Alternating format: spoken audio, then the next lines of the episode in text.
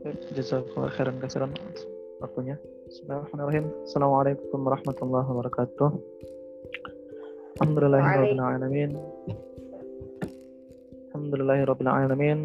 La aqibatul muttaqin wa ala ali salati sayyidil mursalin at-tayyibin at-tahirin wa sahabatul muqarrabin wa ahli baitil mukarram yamin wa ummatihi wal ulami wa syuhada'i wal amilin ila yaumiddin amma ba'd قال تعالى في القرآن الكريم. أعوذ بالله من الشيطان الرجيم. وقل رب ارحمهما كما ربياني صغيرا. وقال تعالى أيضا وإن الذين يفقهون من الناس يشترون بأهلها حتى إذا عليهم أمرنا. وقال هذا وقال هذا شاهد مبين. وقال النبي صلى الله عليه وسلم وهو أصدق القائلين من يريد الله به خيرا يفقه في الدين أما بعد وقال الإمام قتادة رحمه الله تعالى أنه قال من لم يعرف اختلاف الفقه لم يره رائحة لم يشم رائحة الفقه أو كما قال riahatul fiqh. Ya sekalian yang dirahmati oleh Allah Ta'ala Alhamdulillah di sore hari ini kita bertemu di majelis yang penuh barakah insyaAllah majelis uh, ilmu di mana pada sore hari ini kita akan sedikit membahas tentang uh, madhab fiqih di dalam Islam. Ini kalau dalam kuliah di uh, Libya waktu itu ada dua SKS, dua semester bukan SKS ya dua semester untuk menyelesaikan uh, apa sih pengertian dari madhab fiqih ya dan bagaimana madhab fiqih yang mampu bertahan ya berurusan zaman. Ya. Sebelum kita membahas sedikit tentang madhab fiqih, kemudian istimbat hukum, kemudian sejarah para a'immah, para pendiri, para imam-imam uh, madhab, kita sedikit perlu mengetengahkan bahwasanya kenapa sih kita harus uh, bermalhab terutama dalam malhab fikih. Sebenarnya kata malhab sendiri dari kata habayalhabu artinya tempat pergi atau rujukan. Ya. Malhab artinya rujukan. Dalam Islam ada banyak malhab ya. Ada malhab dalam bidang akidah ya. Uh, misalnya malhab Asy'ariyah. Ya mazhab dari yang dirikan oleh Abu Musa al-Ash'ari taala yang banyak dianut oleh orang Indonesia. Seperti misalnya kaidahnya uh, Allah wujud akidah bangkok sampai akhir ya. Kemudian ada mazhab uh, Maturidiyah ya, yang banyak dianut oleh sekarang di India kemudian di sebagian daerah Balkan. Kemudian ada mazhab uh, yang diklaim sebagai ahlu ahlu hadis. Uh, beberapa uh, ikhwah kita menyebut madhab uh, wahbiyah atau madhab salafi ya. dalam madhab syiah dan madhab yang lain pun dalam ilmu hadis kita mengenal banyak madhab ada madhab uh, as-sauri ya. metode pemilihan hadis ala as-sauri dan madhab yang lainnya kemudian dalam madhab fiqih sebenarnya bukan cuma empat madhab ya tetapi ada banyak madhab dalam uh, madhab fikih dalam dalam Islam tapi dalam gerusan zaman yang mampu bertahan, ya, ini hanya empat saja. Ada banyak madhab dalam Islam, puluhan bahkan yang diakui oleh uh, dunia Islam, baik yang ahlu sunnah ataupun ahlu salah ataupun ahlu susah. Ya. nah, uh, madhab fikih sendiri, ya, kenapa harus adanya madhab? Madhab ini adalah tempat rujukan. Ya. Semua orang perlu tempat rujukan. Misalnya, kita aja ya yang baca yang pengen tahu ya pengen bisa baca Al-Quran tentu waktu kecil sebelum kita baca Al-Quran ya kita dilatih atau diajarin baca Iqra. Iqra satu Iqra dua sama guru sama ustadz ngaji kan itu ya sampai mungkin bertahun-tahun baru bisa baca Al-Quran. Nah ini Al-Quran yang ada barisnya saja kita perlu adanya guru ya, dalam memahami uh, da bukan dalam memahami dalam bisa baca Quran saja. Sekedar baca Quran itu perlu guru. Apalagi dalam uh, memahami syariat misalnya nanti kita mengenal dalam Al-Quran itu namanya uh, ta'arud bin nas ya. ayat antara satu dengan yang satu bertentangan Kemudian kita juga mengenal dalam Al-Qur'an nanti uh, ta'arud ta'arud bil yaitu uh, Al-Qur'an saat ayatnya seakan-akan bertentangan tapi Nabi sallallahu alaihi wasallam melakukan yang lain kan gitu. Ya. Kemudian nanti kita juga di Al-Qur'an uh, ada mengenal uh, hukum Islam, hukum syariat tapi nggak dipakai ya. Tapi nggak dipakai oleh uh, bidang fikih ini. Dan itu ada pembahasan sendiri. Ya. Dalam masalah sederhana saja, pengen ba bisa baca Al-Quran, kita perlu guru. Apalagi dalam memahami syariat. Nah, kalau pengen memahami syariat, maka seseorang harus perlu madhab, ya, rujukan, ya, supaya orang nggak salah dalam memahami uh, syariat Islam, terutama fikih ini. Nah itu uh, salah satunya bahwasanya kenapa kita harus uh, bermadhab dan kenapa harus ada madhab. Ya. Kemudian kalau kita lihat ikhwah sekalian bahwasanya uh, madhab fikih ini sebenarnya dibuat ya untuk mengembalikan atau memurnikan syariat Islam seperti awal mula seperti awal awal mula karena setelah Rasulullah SAW wafat kemudian terjadi konflik politik antara uh, Muawiyah Ali ya kemudian uh, dan konflik yang lainnya ya, banyak banyak pengikut pengikut uh, salah satu kubu ya yang tidak bertanggung jawab mereka banyak memalsukan hadis ya otomatis juga memalsukan masalah syariat. Maka para ulama ini berijtihad. Maka mereka buatlah malhab fikih ya. Malhab artinya rujukan, fikih artinya faham ya, secara bahasa. Fikih secara bahasa yaitu faham. Ya. Uh, yafqahu qawli ya, memahami perkataan ya. Kalau dalam istilah fikih, fikih itu artinya ma'rifatul ahkam asy-syar'iyyah al-amaliyah al-muktasab min adilatiha at-tafsiliyah fikih itu adalah mengetahui hukum-hukum syariat ya eh, baik itu sudah disepakati belum disepakati ada penggolongan dan masing-masing ada masing-masing bab-bab pembahasan. Ya kurang lebih arti fikih seperti itu. Intinya kalau secara mudahnya fikih itu memahami ya syariat. Fikih uh, secara gamblangnya secara gampang ya. Kalau pengen memahami syariat ya fikih ya. Kalau dalam uh, abad sampai ke 300-an ya sampai uh, itu uh, fikih itu uh, apa namanya uh, memahami syariat ya yang hanya tiga macam saja yaitu uh, fiqhul ibadah fikih tata cara ibadah dan fiqhul muamalah fikih muamalat wa fiqhul imamah dan fikih kepemimpinan Kemudian dalam masa sekarang fikih ada banyak ya, ada ditambah fikih apa? Fikih jihad, kemudian ditambah uh, fikih dakwah, kemudian ditambah uh, fikih tarbiyah dan yang semacamnya. Tapi itu hanya tambahan saja. Intinya fikih dalam Islam itu hanya tiga saja. Fikih ibadah, fikih muamalah ya, dan fikih jinayah. Mohon maaf, fikih jinayah. Anulangi fikih ibadah, fikih muamalah dan fikih uh, jinayah bukan imamah. Nanti imamah masuk ke uh, jinayah itu. Baik, uh, lanjut.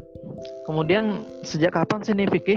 Ya, fikih itu sudah ada sejak Rasulullah Shallallahu Alaihi Wasallam diutus. Ya, tata cara sholat, tata cara uh, jual beli, riba, kemudian uh, apa namanya syarikah bagi hasil, kemudian uh, ada iwat, ya, kemudian masalah jihad, masalah perang, masalah kepemimpinan itu semua masalah masuk ke fikih. Ya.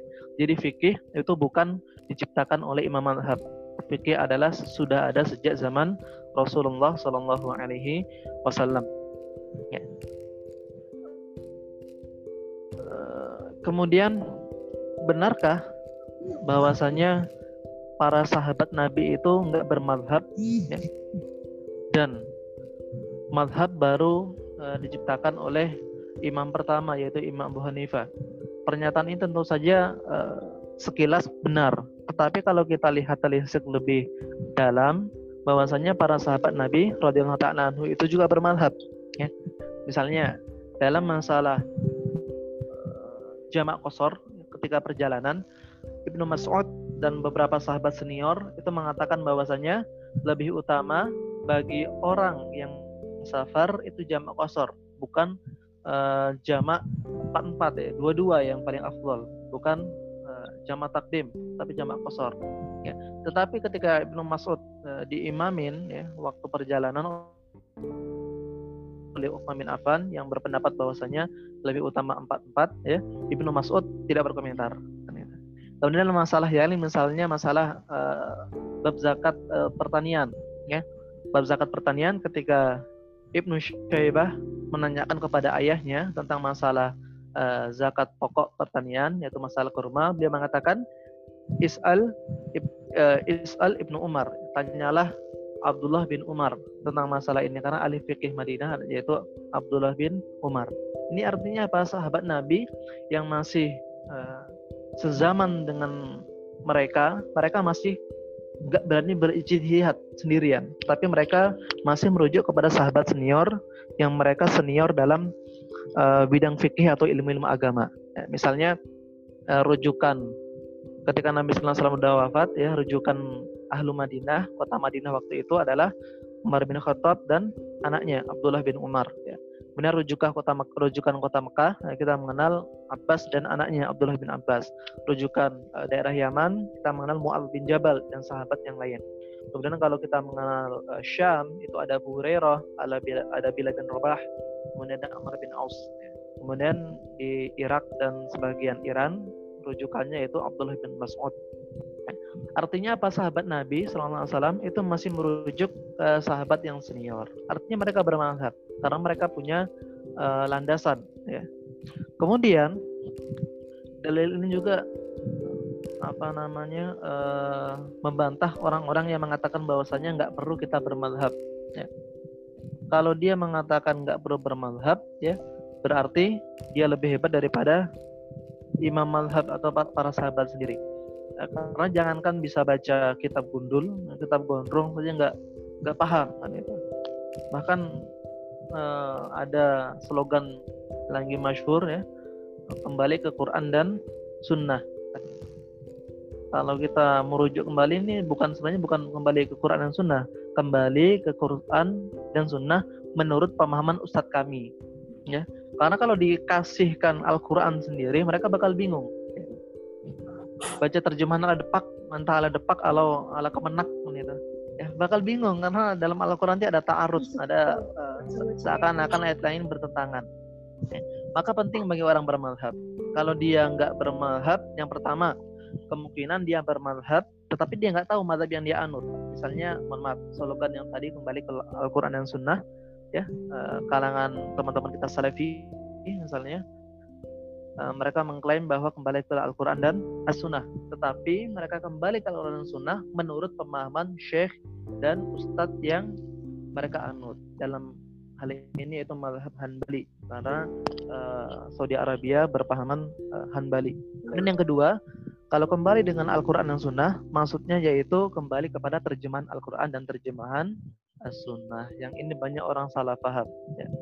Bahkan uh, banyak akan terjadi kerusakan karena kesalahpahaman dalam memahami ayat-ayat Al-Quran. Yang ketiga, ya, kembali dengan Al-Quran Sunnah, ini bakal merusak sendi-sendi Islam itu sendiri. Misalnya di Al-Quran nggak ada ayat rajam. Misalnya uh, orang yang berzina, ya, itu rajam sampai mati yang udah nikah. Itu nggak ada ayatnya. Hanya ada di hadis. Ya. Kalau orang seperti ini, ini bakal rusak Begitupun masalah eh, masalah-masalah yang hadithah, masalah-masalah yang baru. Misalnya apa namanya? masalah kharaj Umar bin Khattab ya itu nggak ada di Al-Quran nggak ada di hadis ya, tentang bagi hasil tentang rampasan uh, rampasan perang masalah tanah ini nggak nggak ada di Al-Quran nggak di hadis. Kalau orang mau sembarangan bakal rusak. Ya seperti itu contohnya. Kalau orang nggak bermadhab berarti dia merusak sendi-sendi seni Islam. Dan kita semuanya bermadhab ya. Karena mukallid kita belum pantas untuk berijtihad ya. Belum pantas untuk buat fatwa sendiri. Kita mengikuti salah satu madhab yang masyhur atau madhab fikih uh, dalam Islam ya kita masuk ke madhab uh, madhab fikih secara garis besar uh, itu ada banyak, tetapi yang bertahan hanya empat madhab saja. Karena madhab ini ketika didirikan itu nggak ada deklarasi. Ya. nggak ada ceritanya madhab itu seperti deklarasi komsat nggak ada misalnya deklarasi PD nggak seperti itu misalnya mendirikan madhab syafi'i ya madhab eh, syafi'i didirikan di Mesir deklarasi di sana nggak beda dengan kami. Ya. kami itu harus ada deklarasi. Ya masih deklarasi sekarang. Halo akhi ya. madhab fikih nggak ada deklarasi. Iya. Mereka di, ya, mereka nggak ada deklarasi hanya para ulama hanya para ulama dengan masyarakat itu langsung menisbatkan atau menyandarkan ya eh, pendapat ini disandarkan kepada Imam Syafi'i. Maka namanya madhab Syafi'i pendapat ini disandarkan ke Maliki maka namanya madhab Maliki masyarakat yang uh, menyebutnya para imam sendiri nggak pernah nyebut misalnya pendapat ini adalah madhabku nggak ada ya nggak pernah ya. mereka nggak pernah mendeklarasikan madhab itu Nah, malhab ahlu sunnah sendiri ya itu ada sekitar menurut uh, Imam Dr. Imarah itu sekitar puluhan ya. Salah satunya madhab yang pertama uh, sebelum ke situ kita perlu mengenal bahwa secara garis besar madhab yang bertahan sampai sekarang itu berasal dari dua sumber. Ya dua sumber madrasah. Ini bukan kamarnya ya. Dua sumber madrasah. Ya.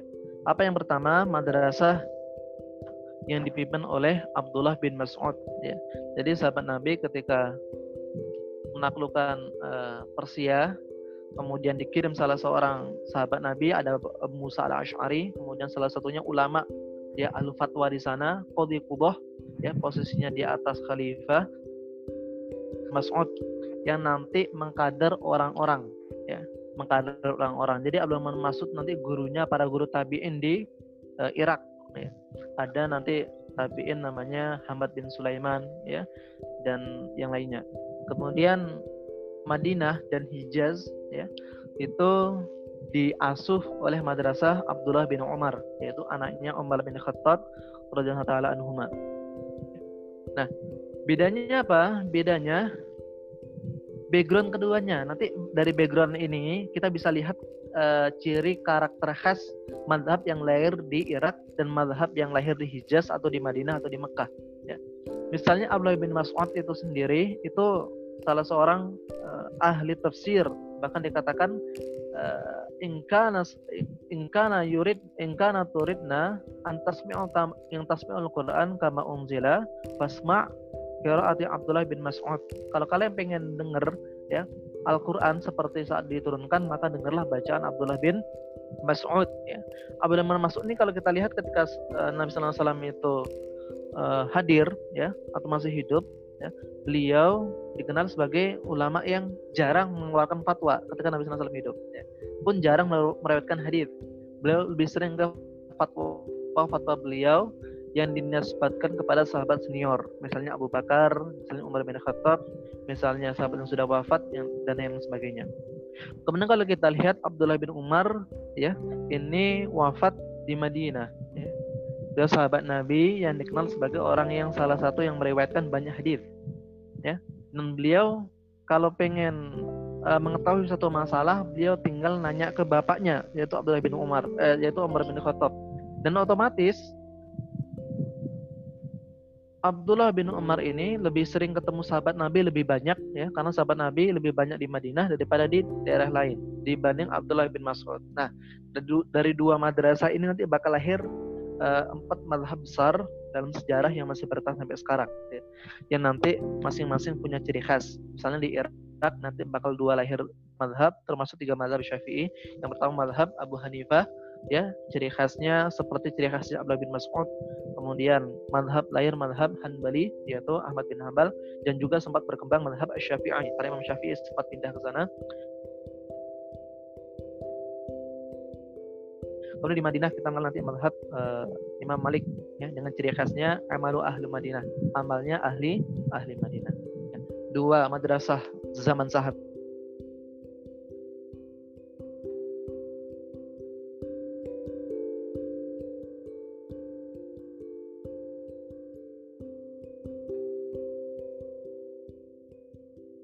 abad ini uh, Madinah uh, bakal Islam.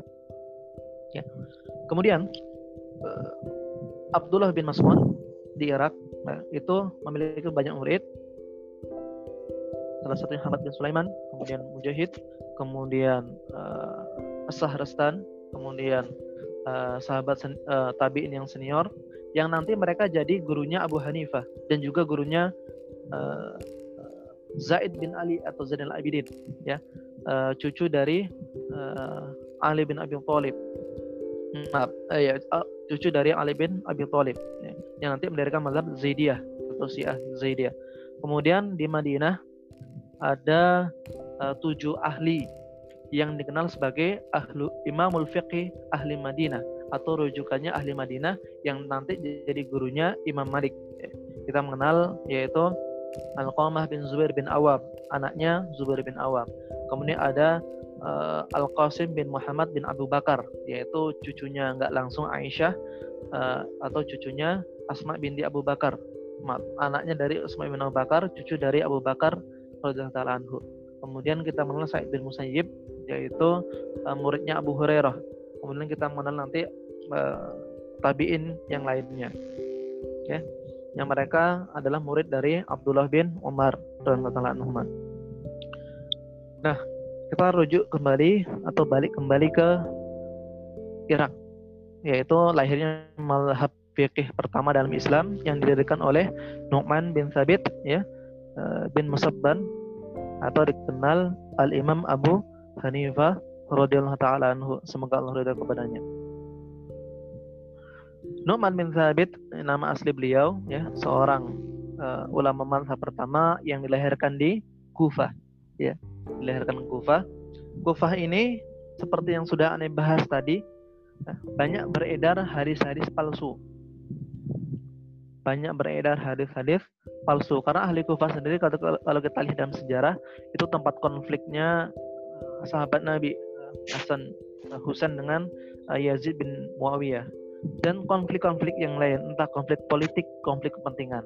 Nah ini akhir sekalian yang rahmati Allah Taala ini penting bagi kita bahwasanya uh, jangan sampai konflik uh, politik, konflik budaya, bahkan konflik pendidikan ekonomi itu masuk ke konflik agama sehingga merusak seni seni-seni kaum muslimin. Nah, kenapa waktu itu banyak pemalsuan hadis? Karena ada konflik politik, ya, konflik kepentingan, konflik orang yang berkuasa. Maka banyak orang memalsukan hadis.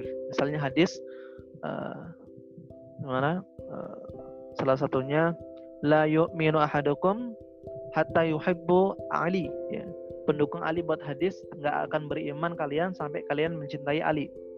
Ya. Pengikut Muawiyah juga buat hadis bahwasanya in al kanas uh, maaf in al kianas bahwa sesungguhnya sepintar-pintar manusia Muawiyah ya.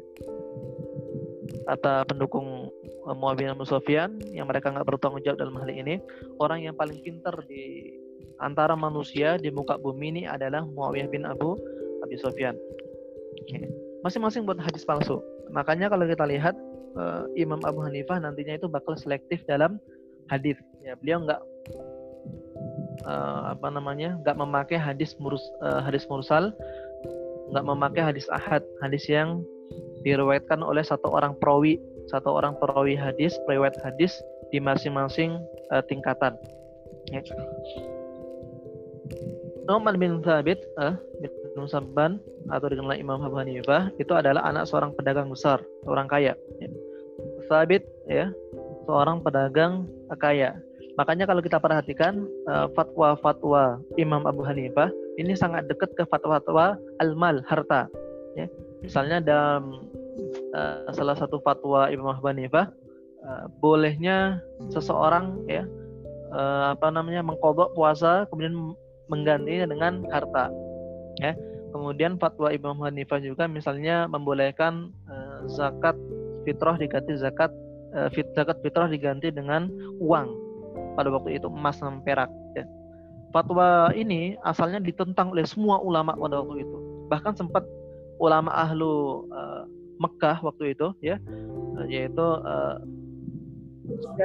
Sulaiman Afan yaitu Sulaiman bin Abu Qasim itu sempat mentahzir Abu Hanifah inna akbahul ulama sesungguhnya ulama paling jelek pada zaman sekarang adalah uh, Nu'man bin Thabit sempat ditahzir eh, sempat dicap para ulama sebagai orang yang keluar dalam syariat. Karena satu-satunya ulama yang membolehkan waktu itu bolehnya zakat fitrah dengan uang itu hanya Imam Abu Hanifah. Empat madhab bahkan ulama uh, Hijaz, Imam Malik, kemudian ulama Mesir ya pada waktu itu ulama Syam itu nggak bersepakat ke beliau. Ketika ditanya Imam Malik masalah seperti ini, beliau Imam Malik uh, mengatakan atau wakaf biqauli wa aktafi bi syariah bahwa sesungguhnya aku uh, diam terhadap pendapatnya Imam Hanifah tetapi aku berpendapat bahwa tetap memegang syariat seperti awal mula yaitu tentang uh, zakat fitur harus pakai uh, bahan makanan pokok. Nah, kalau kita lihat fatwa waktu itu itu nggak berguna. Kapan sih Imam Hanifah apa namanya matfakan bahwa zakat fitur pakai uang? Tapi kalau zaman sekarang, masya Allah, ternyata fatwa tersebut sangat nafi, sangat bermanfaat sekali bahwasanya uh, bolehnya zakat fitrah dengan uang merupakan uh, apa namanya manfaat yang sangat luar biasa. Makanya kalau antum-antum zakat fitrah uang ya, itu berarti sedang pindah malhab ke malhab Abu Hanifah ya. Kemarin antum zakat fitrah mungkin kebanyakan pakai uang, lebih praktis kan itu. Kalau malhab yang empat, eh malhab yang tiga, Maliki, kemudian Syafi'i, kemudian menahan Bali itu sepakat bahwasanya kutul balat ya dengan makanan makanan pokok. Ya, banyak lagi fatwa fatwa beliau yang kalau diperhatikan itu uh, memang condong ke karakteristik beliau yaitu ahlu roi orang yang lebih ke uh, pikiran kemudian uh, selektif dalam hadis kemudian lebih ke masalah harta. Beliau menjadi baru menjadi alim kalau dalam Hilyatul Aulia itu baru usia sekitar hampir 4, uh, 40 tahun ya karena beliau uh, wafat uh, beliau lahir usia apa 90 Hijriah kemudian wafat pada tahun 150 Hijriah berapa tahun yang berarti? Uh, 90 tambah 150 berapa? 60 ya? Sekitar ya sekitar 60 tahun beliau wafat ya. Pas beliau wafat nanti Imam Syafi'i lahir. Nah, beliau baru, baru menjadi alim. Maksudnya dalam alim ini fokus ke madhab fiqih ya baru usia sekitar 40 tahunan. Kalau dalam Hilyatul Aulia nah, itu usia sekitar 37 tahun insya Allah. Kalau dalam Tarikh Al-Baghdadi ya Al-Khatib Al-Baghdadi ditulis oleh beliau itu baru sekitar usia 40-an tahun. Nah, baru baru fokus ke fikih. Ya. Awalnya beliau belajar, beliau hafal Quran ketika usia 10 eh, tahun atau kurang lebih dari itu dalam riwayat lain 11. Eh, ya. Beliau menghafal Al-Quran, kemudian setelah khatam, wa akhbartu ila abi, aku menghabarkan kepada ayah ayahku wayash'uru dan jiddan dan dia merasakan kegembiraan yang luar biasa sampai uh, ayahnya Imam Hanifah itu Thabit ini motong kambing kan itu tasyakuran jadi tasyakuran dalam Islam itu boleh ya. misalnya antum tasyakuran uh, hafal 30 juz ya. motong kambing boleh undangan nggak apa-apa mendapat kepalanya itu boleh ya uh, sahabat Nabi Anas bin Malik pernah melakukan ini bila setiap khatam Al-Quran itu mengundang orang untuk makan ya. Nah, ketika Nu'man bin Thabit atau Imam Abu Hanifah ini mengkhatam Al-Quran, hafal Al-Quran, ayahnya langsung tasyakuran potong kambing. Ya, tasyakuran potong kambing, undang orang. Kemudian, aku bersyukur jangan-jangan ini, ya, jangan-jangan kamu hafal Al-Quran ini karena doa salah seorang sahabat Nabi itu Nafi. Ya, karena salah seorang sahabat Nabi dalam riwayat itu Nafi pernah mendoakan ayahnya itu Thabit ini supaya punya anak yang soleh dan seorang ulama. Oke. Kemudian Nu'man bin Thabit ini setelah hafal Al-Quran masih bantu ayahnya di pasar dagang kain ya dagang kain kemudian masih pulang pergi kadang dia datang ke majelis hadis kadang ke datang majelis uh, fikih kadang datang ke majelis adab adab itu bahasa Arab ya sejarah Islam kemudian datang ke majelis-majelis Quran tafsir ya. Tapi masih pulang pergi. Sampai salah seorang gurunya yaitu Ahmad bin Abi Sulaiman bertanya ya Nu'man wahai Nu'man wa in wa innani uriftu annaka zaki uh, wajtahada fi hadzal ilm wahai uh, Nu'man bin Thabit aku melihat engkau atau orang yang pintar orang yang bersungguh-sungguh dalam ilmu tetapi aku jarang melihat engkau hadir dalam majelis maka Nu'man bin Thabit menjawab bahwasanya Imam Hanifah menjawab ya bahwasanya aku masih bantu-bantu ayahku jualan ya. maka kata Hamad bin Abi Sulaiman sayang banget kamu pintar tapi fokus ke uh, berdagang. Padahal ilmumu ini bermanfaat bagi umatnya nanti, ya, umat Islam nanti. Maka Numan bin Thabit langsung berhenti dagang dan fokus dalam belajar dan jadi ulama besar. Bahkan dari bahasanya dalam usia sebelum beliau menjadi imam besar, beliau sholat masih salah. Ya. Tapi ini cerita yang belum kita dapati ya di Tarikh Baghdad sendiri dikatakan uh, riwayat ini riwayat yang batil, riwayat yang uh, benar. Ya. Kemudian Imam Abu Hanifah ya uh, ketika menjadi imam besar, sebelum menjadi imam besar beliau apa namanya? Uh, meletakkan buku-buku di masing-masing bidang. Misalnya buku hadis sendiri, buku tafsir sendiri, buku fikih sendiri, buku adab sendiri. Kemudian beliau memilih uh, fikih dan fokus ke uh, madhab fikih. Kemudian semasa hidupnya nanti beliau punya murid namanya uh, Syaibah Ibnu Syaibah Abdullah bin Ibnu Syaibah dan Abu Yusuf Al Qasim bin Al Qasim Abu Yusuf rahimahullah taala anhum.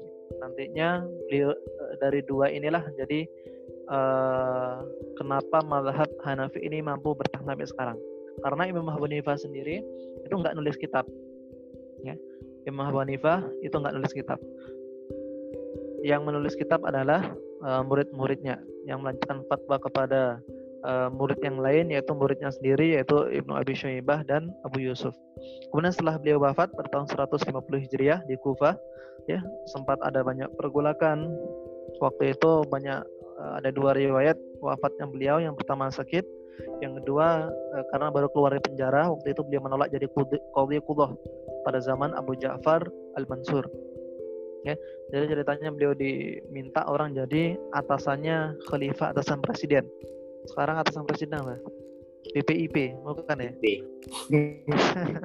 nah, itu gajinya lumayan 2 M Zaman dulu Qadi Qudhah namanya. Posisinya di atas khalifah ya. Jadi bisa mencat khalifah itu Qadi Qudhah ya. Orang kalau dipanggil Qadi Qudhah, Kamil Qudhah itu berarti jabatan paling penting. Bukan sekedar mahkamah agung bukan. Dia dipaksa untuk menerima jabatan, tapi beliau nggak mau. Beliau lari ke Yaman, lari ke mana-mana sampai uh, beliau di penjara, kemudian sakit. Dalam riwayat lain dia karena sakit dan beliau wafat. Riwayat yang lain uh, sakitnya karena uh, salah satu penyakit Allah alam dalam usia 60 tahun. Beliau sempat bertemu Imam Malik bin Anas di Madinah ketika melarikan diri ya sana. Nah zaman beliau nanti bakal lahir dua malhab, malhab Zaidiyah yang digerakkan oleh uh, Ali bin Zaid ya, cucu dari Hussein. Ya. Malhab Zaidiyah inilah malhab yang bukan malhab sesat mazhab al-sunnah yang sudah dikatakan dan sekarang sudah punah. Nah, mazhab syiah satunya mazhab syiah yang bukan nggak sesat, yaitu mazhab syiah uh, Zaidiyah. Kemudian kita lanjut ke mazhab Malikiyah yang didirikan oleh Imam Malik bin Anas. Nama lengkapnya yaitu Malik ya bin Anas bin Malik bin Nafi' ya. Beliau lahir di Madinah, beliau lahir di Madinah, riwayat satu, riwayat yang kedua, ya, beliau lahir di salah satu daerah Yaman, ya, kemudian pada tahun berapa? 93 Hijrah. Yang wafat pada tahun 179 Hijrah. Beliau tinggal di Madinah kemudian uh, berguru kepada tujuh ulama aluh Madinah yang sudah disebutkan tadi ya uh, Sa'id bin Musayyib kemudian Urwah bin Zubair kemudian uh, Abdullah bin Umar dan sahabat senior yang lainnya dan tabiin senior yang lain maaf Nah, Imam Malik bin Anas ini berbeda dengan Imam Malik. Imam uh, Imam Malik bin Anas ini berbeda dengan Imam Abu Hanifah. Dia menulis kitab yang terkenal yaitu Al-Muwatta. Kenapa dinamakan Al-Muwatta? Karena beliau uh, tajahartu bisab'ina ulama ahlul Madinah wa yuwati'u biha bi ahli hadil kitab. Bahwasanya aku menulis hadis ya. Kemudian tulisanku ini kusetorkan kepada 70 ulama ahlu Madinah ya. Salah satunya guru beliau yaitu Sa'id bin Musayyib ya, muridnya Abu Hurairah, muridnya Abdullah bin Umar.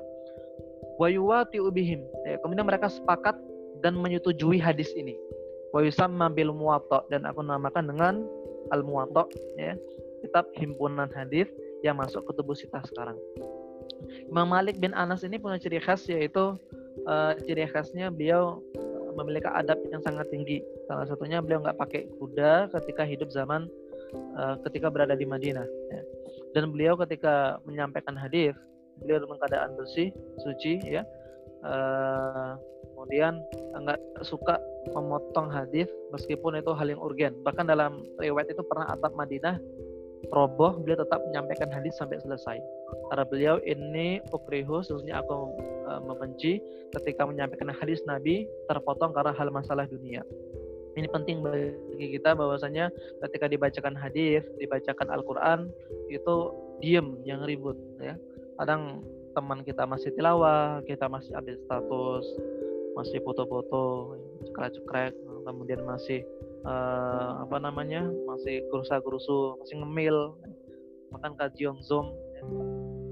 bawakan hadis masih ambil makan kan itu nah, enggak Imam Malik bahkan seperti itu. Imam Malik itu mirip-mirip Imam Hanifah dalam kemiripan yaitu beliau apa namanya memberikan subsidi atau memberikan beasiswa kepada santri-santrinya atau murid-muridnya. Jadi zaman dahulu ya itu murid-murid digaji oleh gurunya. Kemudian Imam Malik nantinya menjadi guru bagi Al-Imam Asy-Syafi'i rahimahullah. Kita agak singkat karena waktu waktunya berapa nih? Sekarang 13.10 hmm? sekitar 15 menit lagi. Masya Allah. Lanjut ke Imam Imam Asy-Syafi'i yaitu uh, Muhammad bin Idris.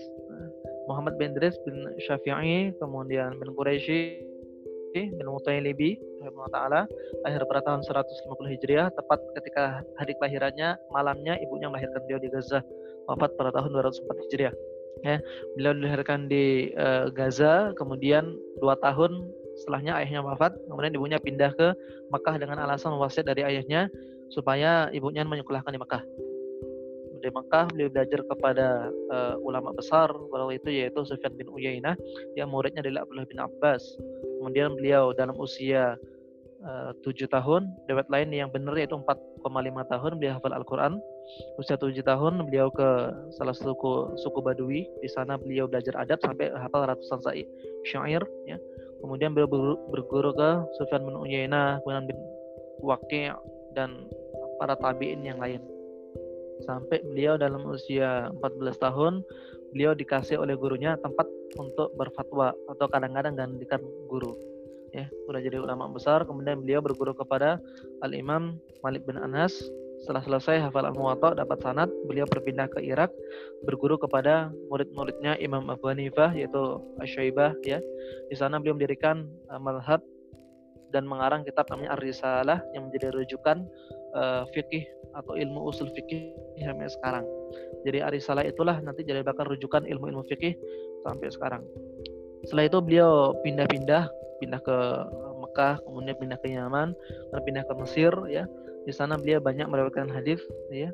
Sehingga kalau kita lihat madhab uh, Syafi'i ini adalah madhab yang paling banyak dianut sampai sekarang karena salah satunya yang pertama beliau pindah-pindah dari tempat lain ke tempat yang lain yang kedua, beliau menulis karya, salah satunya Al-Um dan Ar-Risalah. Al-Um itu disusun oleh murid beliau, Abu Bakar Al-Muzani. Ya. Kemudian uh, yang kedua, murid-murid beliau adalah ya murid-murid beliau juga menulis karya tentang pemahaman Al-Imam Asy-Syafi'i. Sehingga kalau kita lihat mazhab yang paling elit dalam artian elit ini mazhab yang paling banyak uh, menelurkan karya itu adalah mazhab Asy-Syafi'i. Misalnya mazhab dalam bidang akidah ya, Asy'ari ikut Syafi'i, Maturidi ikut Syafi'i. Kemudian uh, dalam bidang hadis kita mengenal Imam Bukhari, Imam Muslim itu mazhabnya Syafi'i dalam fikih. Kemudian uh, dalam bidang tafsir kita mengenal Ibnu Katsir rahimahullah taala, kemudian Ibnu Ibn Abi Al-Muhalla itu ulama tafsir ya, itu bermazhab Syafi'i. Dan banyak yang lainnya ya, yang mereka rata-rata bermazhab Syafi'i. Ya. Kemudian beliau wafat, ada dua riwayat tentang wafatnya beliau. Yang pertama karena beliau dikeroyok oleh orang-orang yang nggak suka di Mesir. Yang kedua, dan ini riwayat yang tercantum oleh di kitab-kitab uh, para ulama yaitu beliau wafat karena penyakit wasir karena beliau sering duduk mengajarkan ilmu sehingga uh, kadang beliau makan, kadang nggak beliau makan saking sibuknya. Ya. Para ulama dahulu itu gara-gara sibuk uh, beramal mereka jarang makan. Kalau kita, masya Allah sedikit-sedikit makan. Ya, pengajian kalau nggak ada makannya nah, itu nggak ada yang mau datang bid'ah lanjut salah satu murid beliau yaitu Imam Ahmad bin Hanbal atau dikenal Ahmad bin Muhammad bin Hanbal bin Hilal yang lahir pada tahun 173 Hijriah, wafat 241 Hijrah, yang lahir di Baghdad. Meskipun Imam Ahmad bin Hanbal radhiyallahu anhu ini uh, lahir di Baghdad, tapi beliau menjadi ahlu hadis karena beliau nanti ketemu dengan Imam uh, Syafi'i rahimahullah taala kemudian di Mekah belajar kepada ulama-ulama yang lain sehingga banyak meriwayatkan hadis Nabi Sallallahu. Ya. Karakteristik dari Madhab Hanbali ini, Imam Ahmad bin Hanbal tidak menulis atau tidak mengarang uh, fatwa beliau, menuliskan fatwa beliau. Beliau hanya menghimpun hadis yang dinamakan uh, Musnad Imam Ahmad. Ya. Musnad Imam Imam Ahmad. Meskipun sebagian hadisnya juga uh, dihimpun oleh beberapa muridnya tapi beliau nggak menuliskan fatwa beliau berbeda dengan al Imam Malik bin Anas dengan al Imam Asy-Syafi'i ya. Beliau sedikit berbeda dengan uh, imam yang lain. Kemudian kalau kita perhatikan empat imam madhab ini saling berguru satu sama lain. Misalnya Imam Abu Hanifah berguru dengan Imam Malik. Imam Malik berguru kepada Imam Abu Hanifah. Kemudian Imam Syafi'i berguru kepada Imam Malik bin Anas ya. Juga berguru kepada muridnya Imam Abu Hanifah karena beliau nggak sempat ketemu Imam Abu Hanifah. Begitupun pendiri mazhab Hanbali Ahmad bin Hanbal ini berguru Ahmad bin Muhammad bin Hanbal berguru kepada Al Imam Asy-Syafi'i. Ya, jadi empat mazhab yang bertahan sampai sekarang itu saling ber saling berguru ya. Kemudian kenapa hanya empat mazhab ini yang bertahan, enggak mazhab yang lain, mazhab yang sudah punah misalnya yang sudah anda sebutkan mazhab si Zaidiyah ya mazhab Zaidiyah ini mazhab fikih yang dekat sama kita sama ahlu sunnah yang mereka nggak kafir. Karena mereka hanya berbeda uh, sedikit masalah saja. Misalnya masalah uh, Ali lebih utama dibanding Abu Bakar uh, Umar sama Utsman. Tapi Abu Bakar Umar Utsman ini nggak kafir. Kemudian mengatakan bahwasanya yang berhak setelah Nabi Shallallahu Alaihi Wasallam wafat, itu yang berhak mewarisi kekhalifahan adalah keluarga Alawiyin, keluarga keturunan Ali bin Abi Thalib. Tetapi nggak apa-apa kalau sudah dipimpin oleh Abu Bakar, dipimpin oleh Umar nggak apa-apa. Jadi mereka nggak mengkafirkan. Yang madhab ini bahkan kalau kita perhatikan Zaid bin Ali ini uh, bukan hanya mengambil hadis dari ahlu bait, ya, tapi mereka mengambil hadis dari apa? Dari uh, para ulama yang lain dari para sahabat yang lain tabiin yang lain pun madhab yang sudah punah misalnya madhab Thawri pendiri yaitu Sufyan bin Ats-Tsauri ya gurunya para tabiin juga ya madhab ini udah punah ya uh, cuman hanya terekam dalam beberapa pendapat jadi misalnya kalau dalam Majmu' Syara' al-Muhadzab itu tercantum ya kemudian madhab Ats-Tsauri kemudian madhab uh, Auza'i juga udah punah kemudian uh, Imam Al-Qusai juga sudah punah, bahkan Madhab Lohiri itu sudah punah. Ya. Kalau kita pengen menelisik Madhab Lohiri, misalnya kita baca Al-Muhalla bil Athar karangan uh, Imam Ibnu Hazm yang berada di Andalusia waktu itu. Nah, kenapa apa bisa madhab itu bisa bertahan? Kenapa madhab itu bisa punah? Madhab itu seperti negara. Ya madhab itu seperti negara. Kalau eksistensinya bagus, ya kekuatannya bagus, bisa diwarisi, maka dia akan bertahan. Ya. Misalnya madhab Zaidiyah cuma bertahan berapa? Sekitar 140 tahun, 450 eh, tahunan. 450 tahun, riwayat 450 tahun lebih dikit ya. Itu cuma bertahan seperti itu. Kemudian punah. Nah, sekarang dikatakan para ulama sepakat Zaidiyah sekarang udah nggak ada. Ya. Misalnya madhab Auza'i cuma bertahan uh, tiga abad, 300 tahunan. Ya. Madhab uh, yang lain, madhab Syafi'iyah, alhamdulillah bertahan sekarang. Kenapa bisa madhab bisa bertahan? Kenapa madhab bisa punah? Yang pertama madhab uh, punah yang pertama uh, para pendirinya tidak mengarang kitab, kemudian murid-muridnya, para penerusnya itu tidak menelurkan atau tidak memulai uh, menjaga warisan pendirinya ya tidak menjaga warisan pendirinya misal misalnya Al Imam Al-Auza'i yaitu Qasim bin Muhammad Al-Auza'i ya, beliau mendirikan madhab sendiri tetapi karena murid-muridnya ini uh, tidak menjaga ya tidak mewarisi tidak menuliskan fatwa-fatwa beliau madhab ini punah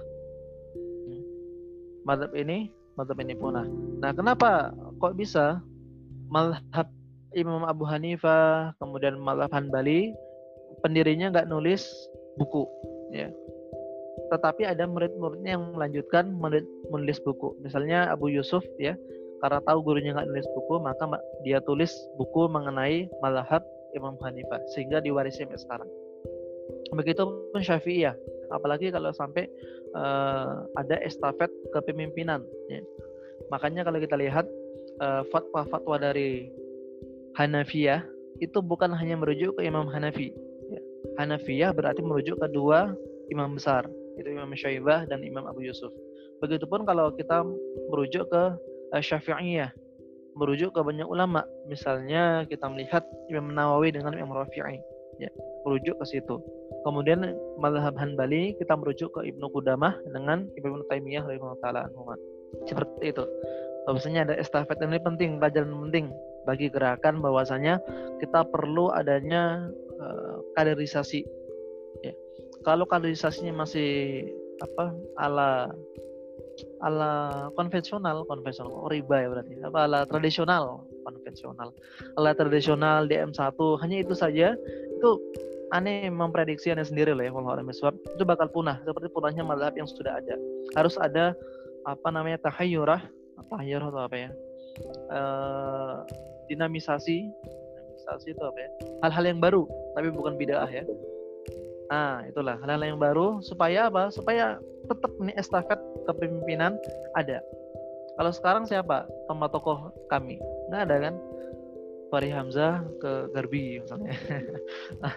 Gelora kemudian ya itu tuh ya kalau mereka sudah meninggal kemudian pemikirannya nggak nggak ke kami ke Garbi malah semuanya orang masuk Garbi misalnya misalnya lah ya.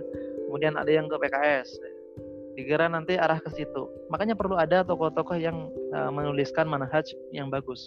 Karena manhaj kalau kita lihat buat anda sempat uh, ngajak diskusi beberapa PP yang tahun 2016-17 itu kenapa buat madhab seperti ini? Ya. Manhaj entah siapa yang buat entah berkompeten atau enggak sehingga yang mewarisi manhaj itu nggak semuanya paham kadernya. Maka ini jangan-jangan nanti nggak sampai 100 tahun udah punah. Bisa jadi bisa kan itu bahkan madhab uh, fikih saja yang ulama loh pendirinya hafal Quran 30 juz murid-muridnya 30 juz hafal ratusan ribu hadis bahkan al auza itu hafal riwayatkan 5 juta hadis itu bisa punah. Apalagi man kita yang kalau karisasinya masih Eh, nggak uh, serius estafet nah itu bakal bakal punah. Itu tadi yang pertama bahasanya kenapa mazhab itu bertahan. Yang pertama para imam nulis karya kalau mereka nggak nulis karya murid-muridnya uh, nulis karya mempertahankan mazhab. Yang kedua kenapa mazhab itu bertahan? Ada kaderisasi ring satu. Ya ini sudah nebas kayaknya. Misalnya uh, Imam Abu Hanifah itu ngambil Abu ngambil uh, orang dekatnya Abu Yusuf untuk menjadi mantunya. Ya jadi mantu. Imam Asy-Syafi'i itu menikahkan salah satu putrinya itu Fatimah ya dengan Al-Muzani Abu Bakar Al-Muzani di Mesir. Kemudian Imam Malik bin Anas itu menikahkan salah satu putrinya dengan murid kesayangannya. Nah ini artinya apa? Karisasi ini perlu ada kekeluargaan ya untuk melanjutkan uh, estafet uh, perjuangan ini harus seperti ini. Makanya kalau bisa ya itu ada kiainya gerakan itu nyari kader inti supaya melanjutkan estafet seperti ini. Begitupun yang dilanjutkan oleh para kiai ya, di Indonesia bahkan para uh, kiai-kiai kita di NU Muhammadiyah itu mereka menikahkan putri-putri mereka ya, dengan ya, murid kesayangan sang mereka. Nah Imam Syafi'i juga punya dua anak, beliau punya empat anak, dua laki-laki, dua perempuan. Dua-duanya dinikahkan ke murid kesayangan beliau. Ya. Yang ketiga, kenapa madhab itu bertahan? Madhab itu bertahan misalnya disebarkan oleh uh, para ulama yang mereka berani berkelana. Rihlatu wajadta ma khadduka. Maka banyak-banyak jalan maka banyak-banyaklah jalan supaya kalian mendapatkan apa yang kalian tinggalkan. Ya, banyak jalan supaya mendapatkan yang kalian tinggalkan. Misalnya, ya, kenapa mazhab Hanafi itu sekarang banyak bertahan di Eropa, Balkan ya, daerah Balkan, daerah apa? Dov-Dov gitu ya, apa? Kroasia yang namanya Dov-Dov itu, kemudian yang lainnya. Karena setelah Turki Utsmani runtuh ya sisa-sisa kekuasaan Turki Utsmani beberapa komandan perang Turki Utsmani gubernur sana wafat kemudian sisa-sisa pemahaman Hanafi dipakai. Karena madhab Turki Utsmani itu ada madhab Hanafi kan itu ya Hanafi. Dalam dalam fikih mereka pakai Hanafi dalam akidah mereka pakai Asy'ari ya. kenapa madhab uh, Malikiyah dipakai di Maghrib di Maroko di Libya kemudian daerah Spanyol sebelum dihapuskan oleh uh, Isabella dan Ferdinand. Karena penguasa uh, Andalusia dinasti Murabitun Andalusia di sana pada manhab Maliki. Kemudian Syafi'iyah kenapa bersebar? Ini unik Syafi'iyah. Syafi'iyah itu kalau kita lihat uh, apa namanya nggak ada kaitannya sama kekuasaan.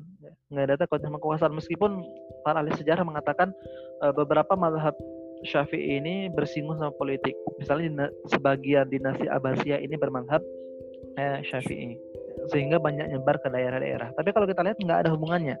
Hubungannya itu banyaknya para ulama yang lahir dalam mazhab Syafi'i sehingga menyebar ke uh, belahan dunia. Nah, sekarang kita lihat mazhab Syafi'i banyak menyebar di mana? Di Mesir, kemudian di Indonesia, di Malaysia, kemudian di Syam, di Irak dan sebagainya macam. Dan Hanbali kalau sekarang bertahan di beberapa uh, negara, misalnya di Saudi Arabia.